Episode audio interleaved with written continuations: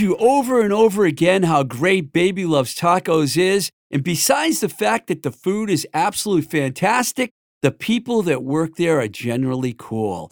They have two wonderful locations in Pittsburgh, the main hub located at 4508 Liberty Avenue in the Bloomfield section of town, and their second location, Baby Loves Tacos, Oakland, located right smack in the middle of the University of Pittsburgh campus. Every college kid needs a burrito or at least two or three tacos a day to help them study, right?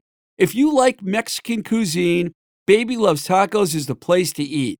For daily updates on what's happening with the Baby Loves family, head over to their Instagram pages at Baby Loves Tacos Bloomfield and at Baby Loves Tacos Oakland. Or if you're anywhere near Pittsburgh, stop by Baby Loves Tacos, tell them Twisted Rico sent you. Baby Loves Tacos, where everybody eats. Hello, ladies and gentlemen. Let me introduce you to Spectacle, the ultimate eyewear experience. Located in Boston's historic South End neighborhood, Spectacle offers four season style service at Red Roof Inn prices. Join proprietor Paul Fox, the rock star himself, as he guides you through a carefully curated collection of logo free frames, all at under prices.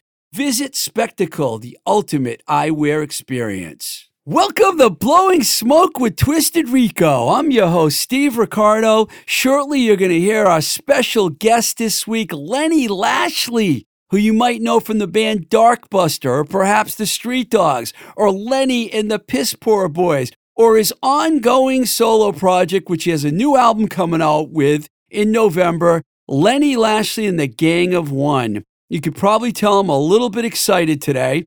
I think Lenny and I have only really met one time, and I bring that up in the interview, but I've been following his career since the 90s. I was at the Middle East in Cambridge when Darkbuster won the WBCN Rock and Roll Rumble. It was an incredible night. I've seen the Street Dogs, I've seen the Piss Poor Boys. Lenny's a great songwriter, and we're really happy that he came by Voice Motel today to talk to us. And I even have a really good surprise for you. Before we play an interview, Lenny brought his guitar with him and played us a song right here in the studio. And I'm gonna we're gonna play that for you right now. The song's an unreleased brand new song called Hate Anymore.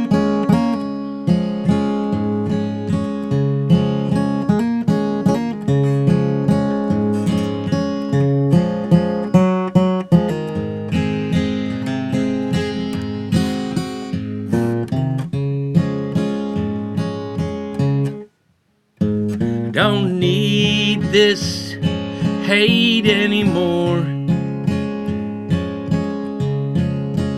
Any moment I walk out that door. Will you miss me now that I'm gone? And you're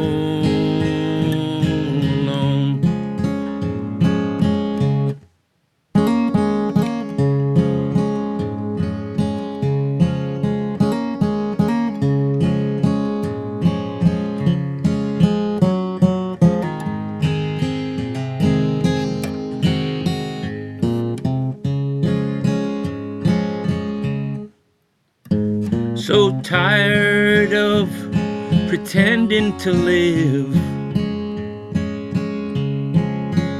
This old heart breaks, there's no more to give. I will rise up, I'm stronger than that. And I'm on alone. We've been wounded for most of our lives. There's been sorrow and absence of light.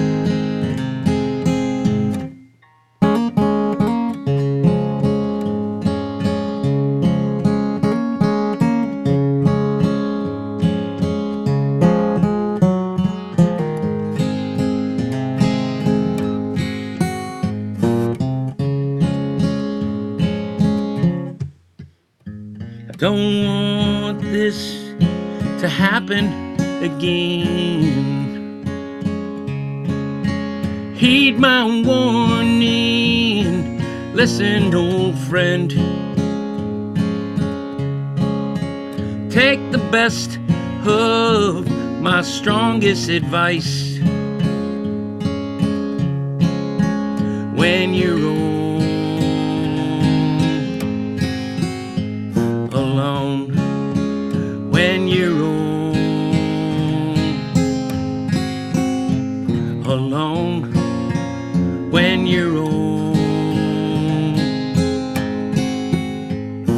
alone.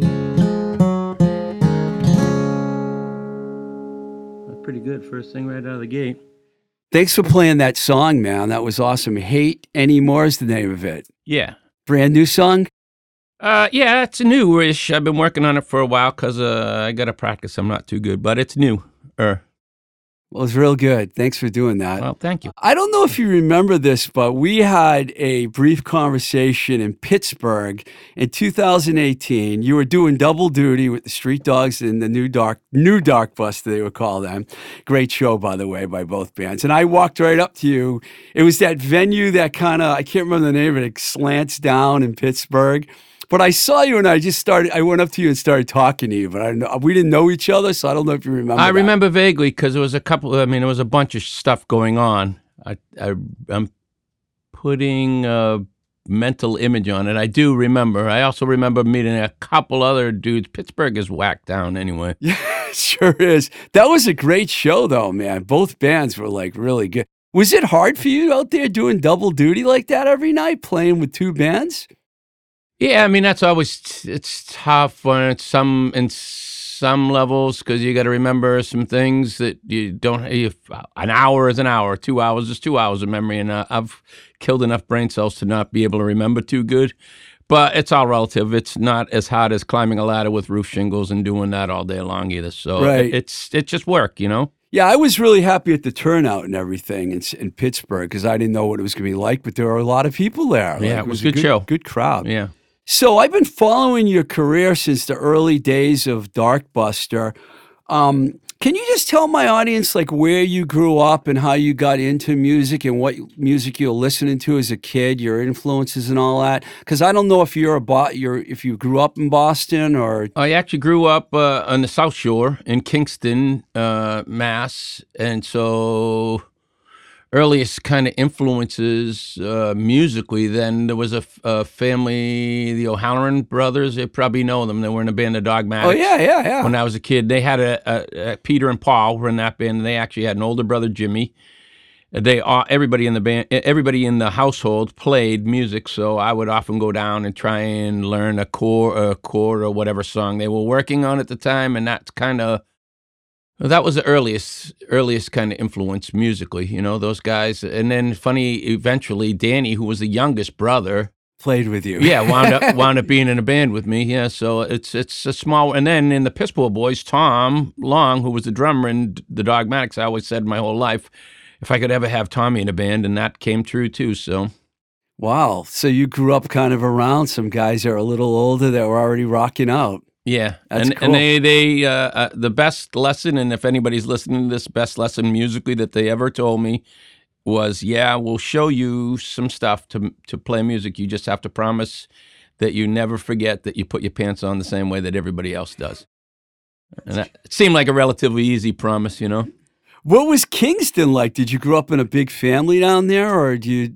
Uh, it was me, my mom, and my brother. Uh, d- divorced family, so my mom t- had a lot on her plate to raise two kind of wild childs. Uh, but she did really good job. Kingston was great at the time. I think maybe there was only fourteen thousand or fifteen thousand people lived, so it was real rural, kind of right on the water, and uh, plenty of places to run from the cops and do a lot of do a lot of LSD and all that other good sh- stuff. So. Uh, uh, yeah, it was awesome, and uh, and my mom was really good about giving, uh, showing us just because we didn't have a lot of money that we did that uh, the culture wasn't something that we should not have. She'd take us to see like Cab Calloway and uh, uh, Nureyev. I got to watch Wow, dance cool. in the museums and stuff like that. So she really did a lot to try and expose us to that kind of the side of the world. When did you start playing?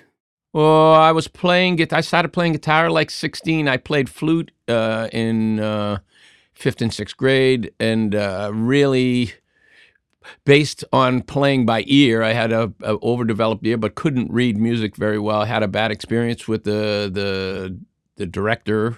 Singled singled us out in the flute section, and I couldn't read the section. Embarrassed me, and and then I kind of came home, told my mom, I, I don't want to play the flute anymore. I want to play guitar. So she said, Well, if you can play this old acoustic that I have lying around and prove that you can figure it out how to play, then we'll we'll go from there. Wow, your mom had a guitar. She had an old acoustic harmony acoustic lying around with the strings three inches off the fretboard, and uh, she recently told me, I think I forget what song it was, but I I did accomplish that. I learned how to play a song for her. Came home and played it for her. One day she said, "Okay." And we went. We traded the flute in for a guitar, and the rest is history as far as that went. You know. Did you have any early bands before Darkbuster? Uh, you, we, you know, kids in the neighborhood, garage, garagey kind of things, you know, that we do keg parties. And I remember we did a keg party in Pembroke, covering, uh, because you were talking about Ozzy earlier. Uh, we covered like, uh, it, it was typical high school Pembroke, Kingston, Silver Lake thing, and and a lot of people showed up, twenty kegs, and, And we would covered War Pigs. we did war. We did, did? war pigs and and tripping tripping balls. And at one point, I remember somebody coming up and saying, "I think they're burning chickens in the 55 gallon drums with fires. They're burning chickens." And and uh, yeah, so we did. I did some stuff like that. but there weren't any bands that you recorded with or did. I uh, did have a band actually, uh, Swaggeroon, that was like the first band that I was playing out in the clubs with. We started playing in like Derringers in Brockton, and uh, was a guy John Delano who was the older brother of a guy Paul. that yeah Paul who wound up being in, in Darkbuster. Paul had a great. Uh, Paul had a great connection with the O'Halloran brothers too. Danny, the kid that was my brother's age, they had a band together, and uh, he was he was always immersed in what was going on in town. That band Mung, they became quickly. Yeah. Paul's band was like my favorite favorite. I love band. Monk. I used to follow them around every single show and watch them play. And eventually, he had us play. I think Linwood Bar and Grill. He had us play a swagger room. We did two or three shows. We played with Orangutan too at the Rat, and that was about it. And eventually, that kind of. But we did two, three record, two or three CDs that never saw the light. Nobody knows where they are. Wow. That's cool. You know, in the mid 90s, you formed Darkbuster with Eric Edmonston and uh, Mike Gurley. Yeah. You guys released a, uh, a, a cassette. I wish I had that one. I don't. But you put out the album, 22 Songs You'll Never Want to Hear Again, which is just an absolute fantastic album. The title, by the way, is not accurate because I ha- I love a lot of those songs. And actually, I'm going to go there right now where I didn't think I was going to go because I have to do this. One of your famous songs.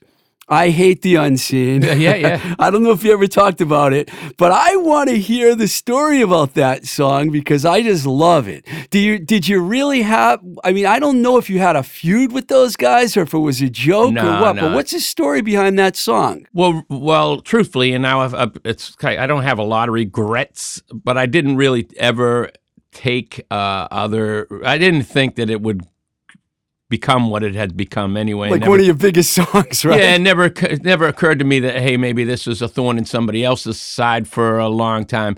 But really, uh, we were Doc Darkbuster at the time was doing a lot of. Uh, uh, VFW hall shows and ch- uh, ch- church shows wherever we could get. Uh, so I remember distinctly. I was so excited because we had a show in Norwood at St. Tim's, not far from where Eric's house was, where we rehearsed. It was like showcase showdown, uh, unseen. Uh, the trouble might even been on the bill. It was a real star-studded lineup from the, for the, for those times. And uh, I showed up typically by myself a little early with uh, probably a half a gram of cocaine and uh, a bunch of beer.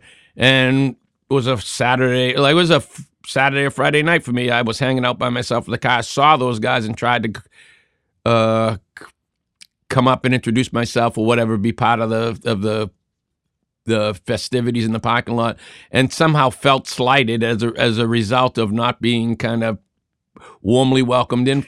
It was probably because I was 20 years older than everybody and wild out of my mind on beer and cocaine. And, and they, you know, in hindsight, but true to fashion, I just kind of copped the resentment about the whole thing and kind of wrote the tune on the way home or something from it. Just kind of popped in my head. Uh, a lot of stuff I wind up now knowing that I write from a from a resentful point of view.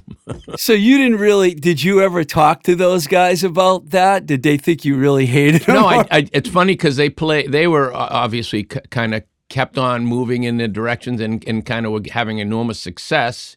So I remember Valentine's Day that after the record came out was Valentine's Day and Mike McCarthy. I don't know if you know him. He's a yeah, yeah old old head. Yeah, uh, uh, great guy. He uh, he. I had bought like I spent like sixty dollars on a uh, Valentine's chocolate covered Valentine. It was Valentine's Day at the old church, Unitarian Church or whatever it was on Newbury Street, and and uh, Mike thought it'd be such a gas, so he introduced me to Mark, who who I knew in passing, but I you know, tongue in cheek. Here's the yeah. here's the apology. It's a sixty dollar thing of, of, of, candy or whatever. Really? You know? But now it's funny in in uh, in full circle. You know, I've, I have time to to apologize and make amends to all of those guys. And Mark is a real good guy, and I, I we talk. Uh, you know, not often, but we talk regular, and I consider him a friend. So I don't think people really knew. I didn't know as a fan whether you were it was serious or not. So I'm not sure everyone really thought you were really hated the uns. Yeah. And then the sing-alongs that happened because I was at many of those shows. The crowd would like sing along. Well, people embraced and, it for sure, but yeah. I, I I know oh, I know from personal tale that you know, people that think they're doing you a favor and are rabid fans in, say, Pittsburgh, when the unseen came to town, would would poke poke fun, which is not where, really where I ever intended it to go like that, you know. So I had to ask you about that. That's man. all good, man. I don't think I ever heard you tell the story, so now I can say you told it here. In 2000, Darkbuster won the uh, WBCN Rock and Roll Rumble. That's when Paul and Danny actually were in the band with you. I was at that show. And I, one thing I remember about the show is that someone got injured during the show and you guys had to stop playing during the show. And then that must have been difficult. Then there was like a 15 minute delay when they helped the guy out. And then you started again and you still won the Rumble. Yeah, my brother. It was your brother yeah. that he jumped off the stage. He did a backflip off the stage and landed flat on his back and knocked himself out. And uh, uh he, here's a he he'll love this part if he ever hears it. So he's lying on the floor. The place stops. They bring in the paramedics. They start because they thought maybe he had spinal injury or whatever. So everybody's holding him still, so he won't move. And uh, paramedics start to put him on a on a, a straight board, strap him into a straight board and he comes to and says, "No, I'm perfectly fine," and gets up and walks away. So he told me years later that he was. He told me years later that he was. He came to. He did knock himself out a little bit, but he came to. He felt okay, and then realized what a commotion he had caused. So he was just kind of lying there, felt bad, lying there, hoping that he could sweep the sweep stuff under the rug. And then when they started strapping him in, he knew. So he had to wake up and Wow, that was that was that night was something else, though, man. I don't. I know it's not always a big deal for bands winning, you know, battle of the bands and stuff, but that must have meant something to you to win. It was, that. yeah, it was a tremendous honor. I mean, that that that that was something that we knew growing up. I mean, it was there's such a legacy to that point with. Uh, you know, I think the neighborhoods won at one point. Yeah. There were so many good bands that I looked up to. Of course, it was uh, was Scruffy the Cat. I think won one year or something. Probably there was a long list. Yeah, I mean, it's so of course it was. It meant a it meant a tremendous deal. You know, and was, BCN was still involved then because yeah. now then they're gone. But yeah. that was yeah. I just happened to be there that night. I, I think Mr. Airplane Man were they uh, one of the other bands? They were in. I think originally Waltham. I know was in Pino's the Pino Brothers. I know for sure were in one and. Uh, the year that you guys won, you don't remember the other bands though, do you? That that, that we're in the semifinals. I might have a. Hard, I should have looked. That I up. might have a hard time remembering that. it doesn't. I mean, matter. those were the those were the heavy heavy involvement in memory erasers a, a little more about Darkbuster because Amy Griffin joined the band at one point, and Yeah. I and I think you got injured. You hurt your hand or something. Yeah, I lost a little Oh, of the wow. of the middle finger on my left hand. My finger. No my- video for this, but that doesn't look. Uh, it looks like it probably hurt. Yeah, it wasn't. It was not my favorite day. That's for sure. But when Amy joined the band, you guys kind of got even bigger. It was it was pretty amazing how they, I I remember seeing. Uh, I wrote it down here. The Sonic Lobotomy uh, TV show, T.J. Welsh. Yeah, yeah. And you guys were fantastic on that. Oh, man. thanks. It's on YouTube, by the way, people. If you're out there listening and you want, to just put Darkbuster Sonic Lobotomy, and you'll find That it. was a fun day. Yeah, Amy seemed to like Phil come right in. It's funny because Amy and Paul both played in Avoid One Thing. Yeah, too. it's So crazy, like right? a f- incestual thing It certainly is. here. Yeah. Amy brought, uh, and it's such a wonderful and and and uh, dedicated guitar player, and she brought such a, a, uh love for playing into the whole thing that that was. She's just an infectious character. She loved playing so much that it kind of made everybody else like it a little bit more. You know, she's always smiling and really happy to be doing what she was doing, which wasn't the case with all of us probably all all the way through. So, yeah, I, I mean, I feel super fortunate that that that Amy. I think so. The first, so we played the first show after the injury was a basement near the JP in the Midway, and and I got I got blackout drunk and apparently was playing in the basement and. Uh, when Amy started playing, the story is I chucked a full beer at her head. she missed her. Oh, I'm glad you missed. And then wound up. Uh, we probably would have heard more about the story then- if you didn't. Well, she put up, up what my the point is. She put up with a lot of my shenanigans. So, Amy, if you ever hear that, I I, I apologize profusely. You know, well, you guys played together for a while, so I think she probably forgave you for that. wonderful girl. Yeah, you always had good players in the band and stuff. So there weren't very a lot of changes in your band. You only had a couple of different members, basically. Um, uh, you you put together, you know, you did you did ended up putting out some more Darkbuster records, but you also started gaining steam with Lenny and the Piss Poor Boys, which I saw them too. It was a New Year's Eve show, The Charms, and you guys played together at TT the Bears. Oh yeah, I, I, I it's probably early 2002 or three or something like that. That was a little different, but you had a whole different audience. It seemed you dragged a lot of new people into Lenny and the Piss Poor Boys, so you kind of changed your style a little bit. What was that like for you? Uh, well, I mean, it was it was kind of was subliminal, really. I had been we had been work we Darkbus had had some tough uh, times with the touring and all of that, and kind of knew that we were going to take a little hiatus or were taking a little hiatus. And uh, Piss Boys was I'm always working on different kind of songs. So th- those were things that I was working on those songs, and really John, the bass player, who I knew, me and Shell were going out to Viva Las Vegas, the rockabilly convention a lot. I was uh, always influenced by that kind of stuff, uh, A- Amy and the Raging Yeah, Teens yeah, yeah. too, and that whole kind of vibe. So anyway, in having a conversation with John, I said, "Well, there's some stuff that I, I've been working on." He really was the catalyst, the the the one that kind of encouraged me to to uh, pursue it. And then we had the the commentary with uh, Chris DeBarge, uh, who was in Speed Devils at the time, Right. and uh, and then Tom came into the fold once I was able to get Tom to drum. It just we were real. It was a fun core of doing some stuff and and uh, and yeah, like you said, in, in introducing somebody to to introducing people to a whole different facet of uh, of the music. You know that I try and make. So Yeah, it wasn't like the crazy raucous beer drinking kind of nutty crowd that you had. I mean, it seemed like it seemed like ten years afterwards. A lot, it was still drinking, but a lot more remorse and uh, and slower stuff. So But yeah, it was a good band though, man, for sure. And then uh, you got a lot in your career, man. And the thing I've always loved about you is you're you're a great songwriter, and you just you're like a machine. You know, you're like writing a lot of songs. Um, I have to ask you about the Street Dogs. I brought them up in the beginning of the show. Um, how did you end up joining those guys? Because I know you played on the Stand for Something or Nothing or die, Something or Die for Yeah. Nothing album. yeah, And you seem to be a really good fit, but you took kind of a secondary role. Did you like it? Were, were you involved in songwriting at all with those guys, or were you just a guitar, you know, just there to be a guitar player? Well, certainly in that for that record, yeah, I was uh, uh, contributed as far as that goes, and I think we did one EP when when me and Matt Pruitt from the Have Nots first joined up. We uh, we did a split with a band called Noise from Tacoma, Washington. Uh, I think I was yeah I was we helped write some of that stuff too.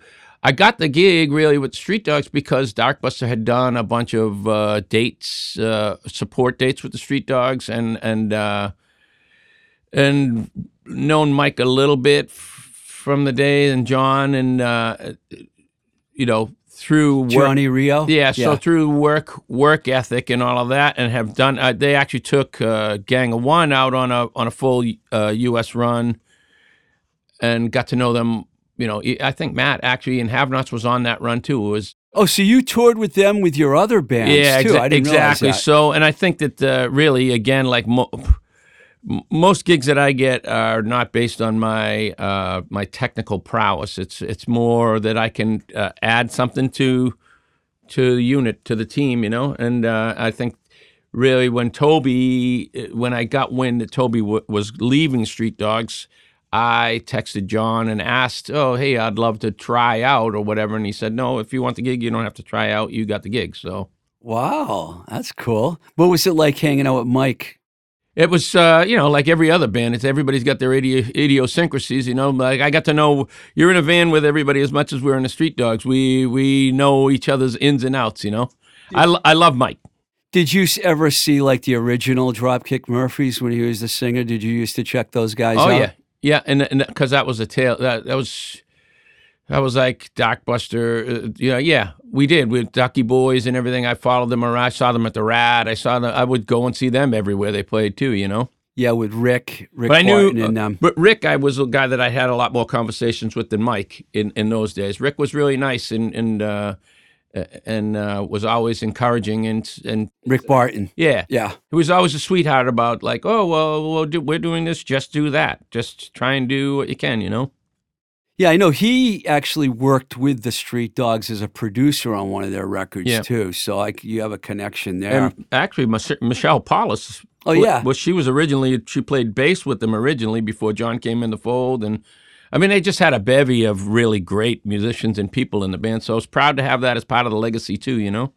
What do you think happened and why the band just dissolved at the end after that 2018 tour? Did, did, was there a reason they just decided to call it quits? Street Dogs. Yeah.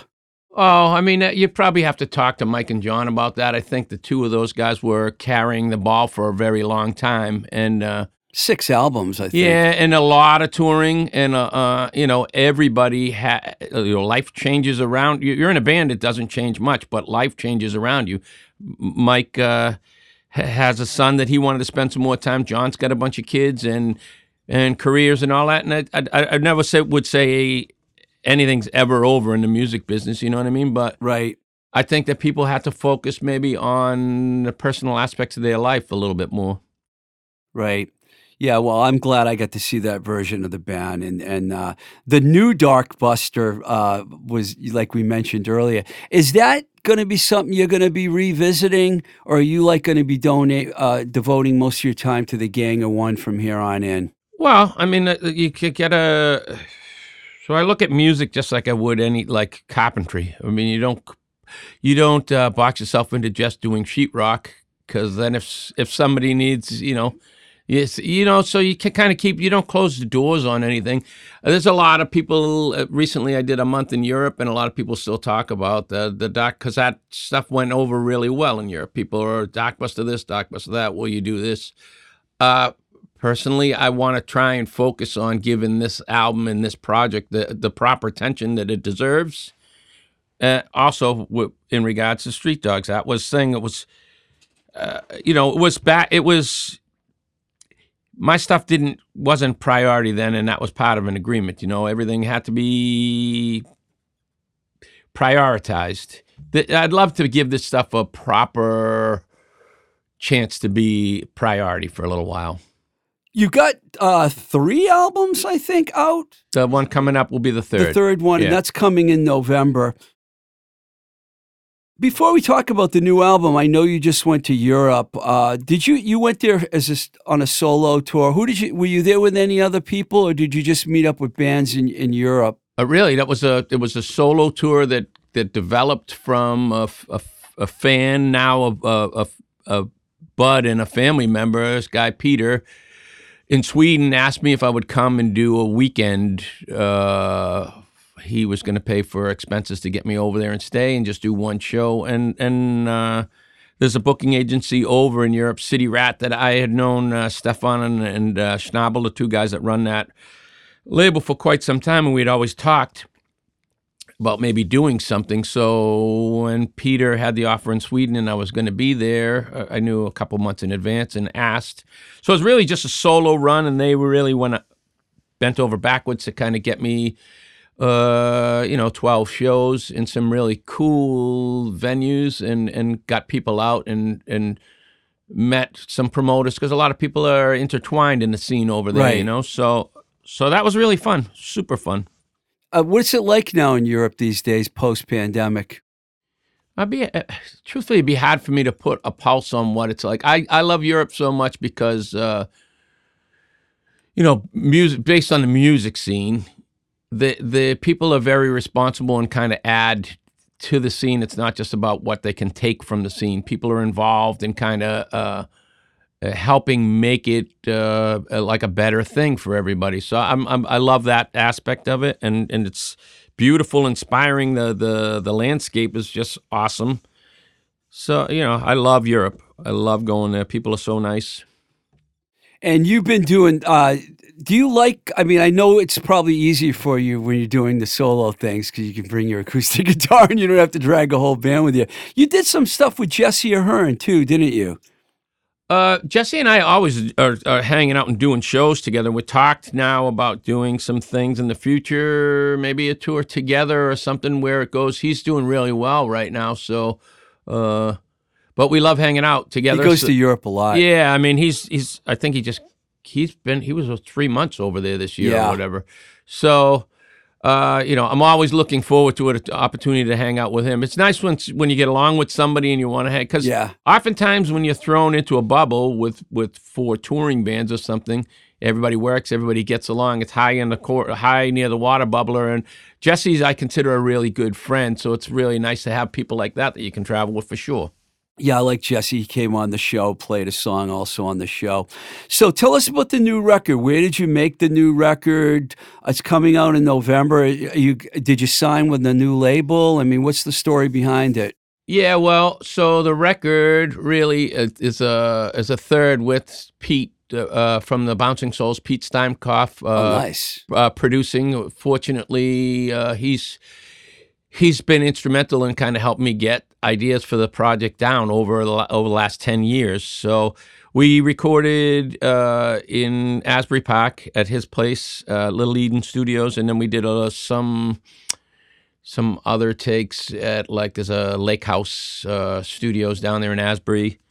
Uh, it developed really. Pete, uh, you know, Pete reached out and said, "Hey, it's been a while since we did a record and worked together. Do you, do you think it's time again to do that?" And it's hard to say no to wanting to work with that guy. He's legendary and he's just fun to hang around with. So uh, I figured I'd get off my butt and start putting some songs together.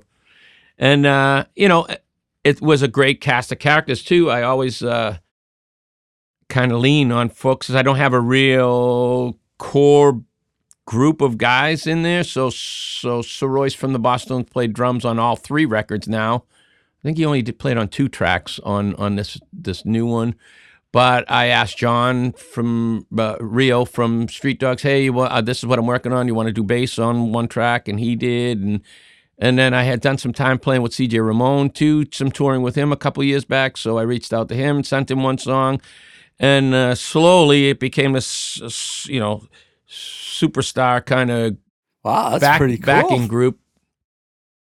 Have you known CJ for a while? Uh, I've known him now for I guess five or six years. I met him through the Street Dogs too originally because Pete Pete uh, Sosa was doing some drums on a track or two of his uh, uh, many years ago, and then uh, we, we we Pete's a good drummer. he's fantastic and a, and a better person. You know, like he's just he's a salty, a great guy, and CJ too. So it just slowly kind of developed because CJ had a core of guys that were on the West Coast, core of guys that were on the East Coast, and some folks couldn't make a tour or whatever, and Pete threw my name in the hat, and and I got it again based on not my uh, technical ability, but I'm good at rolling gear too. So So, what's the name of the new album? That's called Five Great Egrets uh, or Five Great Regrets, depending on how, how dyslexic Okay, is it are. about a bird or is it about something you regret? Because I'm confused. Well, I, I'm- I mean, my, my whole life is about something I regret, probably. Uh, really, it just I was driving. So I live. Uh, me and my my wife now have a place in North Weymouth, and it's along the coast. I did a lot of work years ago. oh, you don't live in Jamaica Plain anymore? Not, not anymore. No, I'm we're in, in we have a house in uh, JP, and uh, I mean uh, in North Weymouth. And I was riding for coffee one morning, and I just there's a lot of marshland, so I saw Yeah, yeah. I saw a group of of these white birds, which I always when I was a kid always called them thought they were herons. Uh, Eventually, I did the research, and they were egrets. They're called great egrets. Yeah. So then it just kind of popped in my head. Oh, that'd be a cool. Uh, it's different, you know. Hopefully they won't fly down to Florida right now and they'll wait a little longer. I think they're probably too smart for that. Yeah, I was gonna say. Um, well, is are you is your record coming out on a label? I know I've heard that you're doing vinyl on this. Too. Yeah, so so we just announced a pre-order yesterday. Uh, that the the few the past two releases had been with Pirates Press out of San Francisco. oh yeah, but uh, but this one, yeah, they they uh, you know do a lot of manufacturing and have a bunch of bands too as well on the label. Uh, this one seemed a better fit for everybody involved. It, it- not doing stuff with them for this record, regrettably. Uh, but the good part of the story is, have a friend uh, Mick who had a little Mapa record shop when I met him at first uh, in Long Beach, and he had a little label called Dirty Mick Records. Now he has a uh, it's like a merchandising company that he runs called Omerta. Uh, they were doing a collab a collab T-shirt with me at the time. Uh, as I was I've heard of them. recording, El yeah. Yeah. Like yeah. So it's a it's a code of gentlemen is what they call what they is their like little uh, theme behind, and a lot of street slogans and slang kind of stuff, street vibe. But Mick had been a friend for years, so I told him I had kind of been in, I was in between uh, labels or who would put stuff out, knowing that he had a background of doing some releases years before. And uh, I said, hey, we were working on a T-shirt together. I said, hey, would you think about putting out a record? And uh, and thankfully he was yes. So because it's it's it's important to have people that are that back you, and it's important to have somebody that you can have as a financial partner too. It's absolutely. I mean, I wouldn't, I won't, I won't ever let anybody know what I what it costs me out of my own pocket and and personal stuff to get to a point of recording a record. You know that hopefully people like. Because if they don't like it, man, that was a lot of money down the drain. Yeah, it's not cheap, especially vinyl, man. Especially the weight, man. You must have ordered your vinyl a long time ago. Oh man, it's been it's the record is I was thinking the other day the record was done recording and mastered and mixed and everything for almost two years now. Are you kidding me? Two years? Yeah. Wow. Wow, that is that is a long wait. Uh, I got to ask you a couple more things before I let you go. Uh, Sure. One is you've undergone quite a transformation. you look a lot different. You know, I'm still the same I, underneath. I know. I mean, what was that like for you? What made you decide all of a sudden to get rid of the the, the wild look and and like you look you look like a different person almost. Yeah, well, I'm probably running from the CIA or so, something in my mind, I guess. You know, no, no, literally, it was just it takes a lot longer to grow hair than it does to cut it all off. Otherwise, to today, I'd probably have long hair and a mustache again. And then knowing that I had the trip coming up for Europe and all of that, my methodology over the years has been. Uh, especially at security checks and all of that kind of stuff, is no need to give them more to look at than they need to look at. I'm already heavily tattooed and kind of loud Boston ease accent, so maybe cleaning it up and looking more school teacher esque is. Were they surprised in Europe when you when you showed up? I mean, nobody's surprised at anything I do anymore. I don't. I don't drink, and I, so I don't. Not likely to jump out a, a window from the second floor or smash something over somebody's head. So they're, they're happy. You know, I got to ask you because I quit drinking a few years ago too, and other things too. Uh, has that been since you brought it up? I mean, has it been a hard hard for you to like you know get away from that lifestyle? No, I mean it, it was hard. The hard part was uh, was coming to the realization that I had to make a fundamental change. Like you said, there's been some changes. The changes really are on the inside for me. So, uh, you know, I think it's a personal journey. Everybody's got to figure out that in their own due time. I'll be 58 in February. So like, Really? I, you uh, look great, man. I thought you were a lot younger than that, yeah, actually. I probably pickled myself over the years. internally or whatever. But it was just a long, you know, it's a long, I, I would say that, uh, you know, it's a long, it's, it's my own story. So it took a long, long time for me to realize that maybe that just by s- taking a few things out of the equation, life could be a lot better. Did it help you with your songwriting, or did it not make much of a difference that you all of a sudden? You know, truthfully, at first it was a bit of a block because I had always done things under the influence. So sometimes you give that power for the cre- for the creators. You give that. Oh, I need to smoke a bone to sit down with the guitar and come up with a good idea or something like that.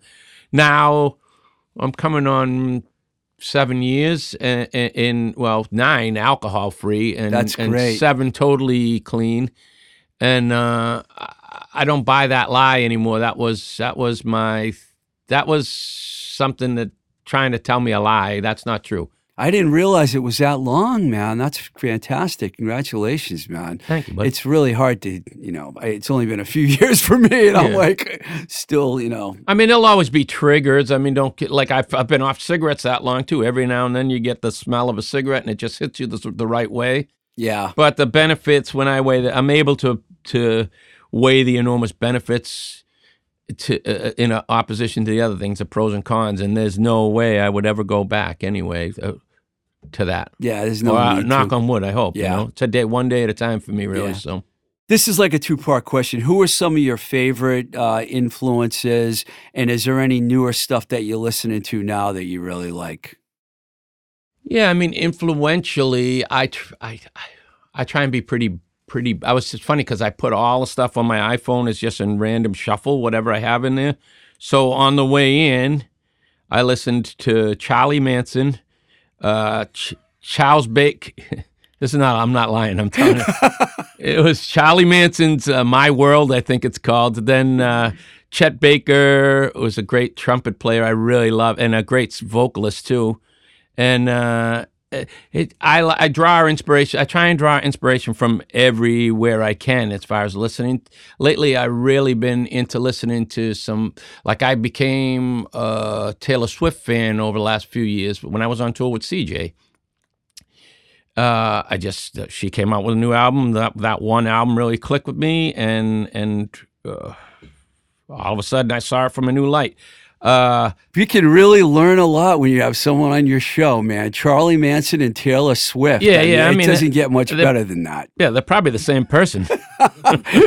you know, it's funny. I'm wearing a Lemonheads uh, shirt today, and you know the Lemonheads covered a Charlie Manson song on I did not know that. They. I knew they covered a few tunes, but yeah. Ben Deily was on the show um, with the original Lemonhead, and I Yeah. brought it up because that was Evan's idea, Yeah, not yeah. my idea. yeah, He yeah. like, that was Evan, not me. I don't think I'll be covering any Charlie Manson songs. Eh, No offense, I mean to uh, to Charlie wherever he is, but the songs aren't really that good. Yeah, right. Garbage Truck Man, and uh, I can't remember many. My titles. World, I think this one was called. Just came on random because I I I try now and influence myself by finding things that I wouldn't normally listen to. That that that was something I just chased a rabbit down the world. You know who I like now is Halsey. I really like her. Oh, she's lot. good. Yeah. and and, and uh, I love the production value and stuff like that. And I feel like this new record that I'm working that I am putting out, hopefully people will hear some uh, some difference in kind of what has been influencing things in that direction. I, I I didn't intentionally want it to sound more modern or or different, but I, I think it it does. You Do know. you like old country like Merle Haggard and Johnny Cash and stuff? Because I kind of hear a little bit of like that old school country in I love some it. of your music. I love it. I really is a band that I love. Uh, the Louvin Brothers. They Oh, yeah. were they were like a gospel group that I and they had two brothers that harmonized so great together. I, I love that stuff.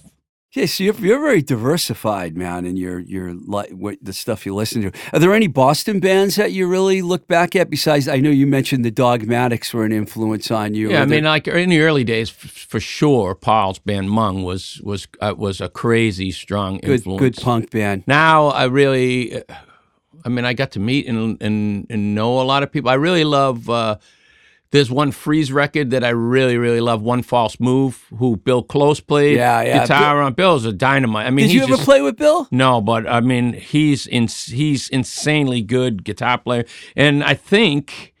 If memory serves me, talking to those guys, Gustafson, Wally, the drummer, who was in Gang One of the Green, best. and in Mung, I And think the outlets. I think he played on that record too, the one false move record. So, i- i- you know, like you said, it's an incestual pool, but that record is just brilliant magic.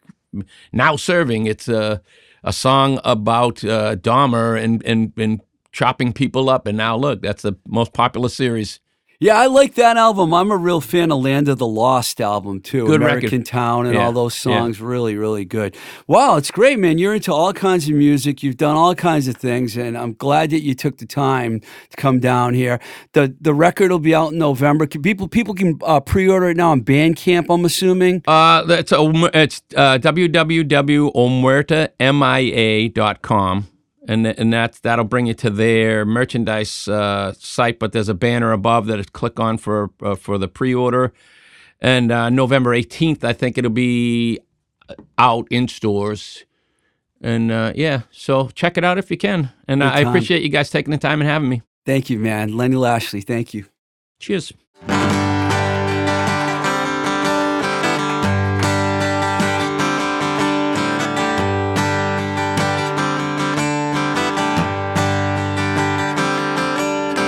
Wakes up in the morning. He pulls his shirt and boots on.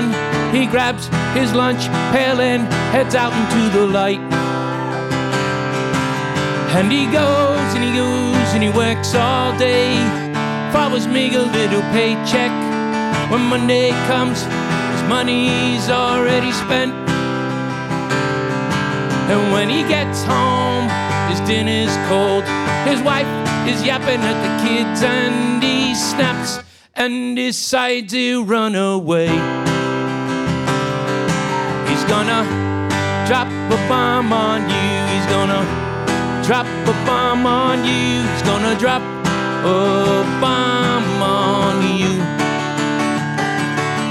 He's gonna drop a bomb on you. He's gonna drop a bomb on you. He's gonna drop a bomb He hopes one day for a better life as he scratches a lottery ticket. The jackpot never comes, he hangs his head. And he goes and he goes and he works all day for his meager little paycheck. When Monday comes, it's off to work again. He's gonna drop a bomb on you. He's gonna drop a bomb on you. He's gonna drop a bomb on you. He's gonna drop a bomb on you. He's gonna drop a bomb on you. He's gonna drop a bomb on you.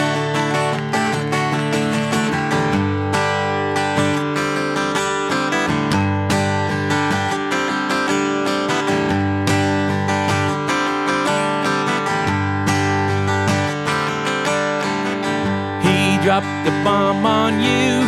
He dropped the bomb on you. He dropped a bomb on you. He dropped the bomb on you. He dropped the bomb on you. He dropped a bomb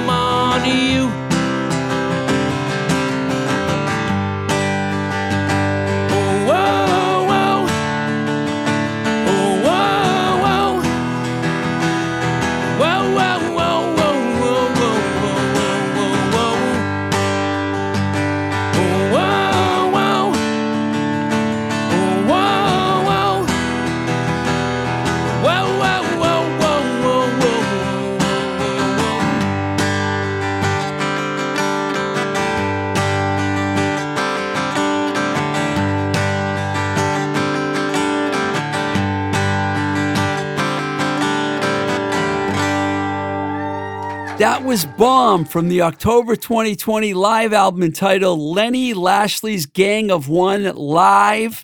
I, I love that. I had to play it for you. Really good tune. It's available on Bandcamp, by the way, with Lenny's other two solo albums. And like you heard him say, you can pre order his new album there as well. He actually gave a website, El Muerte, really cool label. I was not kidding about Lenny's body of work. It's just, there's a lot of it and it's all good. And I'm telling you, I've, I've wanted Lenny on the show for a while and he tours a lot and we had the pandemic and all this crazy shit, but we finally got him. So happy he came down.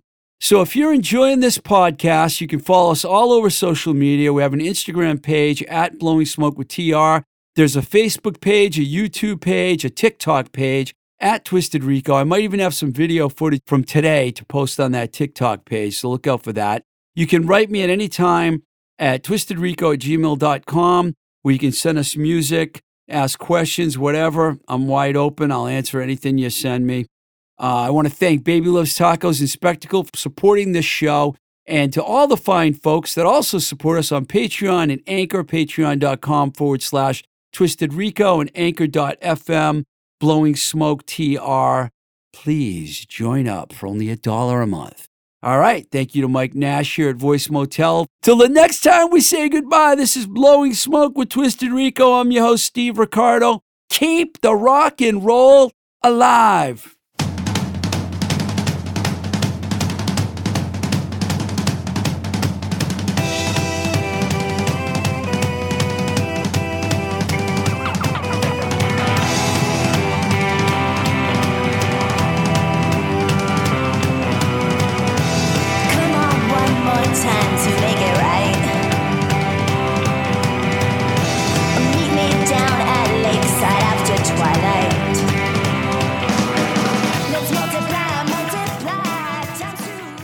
Voice is recorded at Voice Motel, voicemotel.com, your complete podcast recording experience. Located in Union Square, Somerville, Massachusetts. I hate the unseen.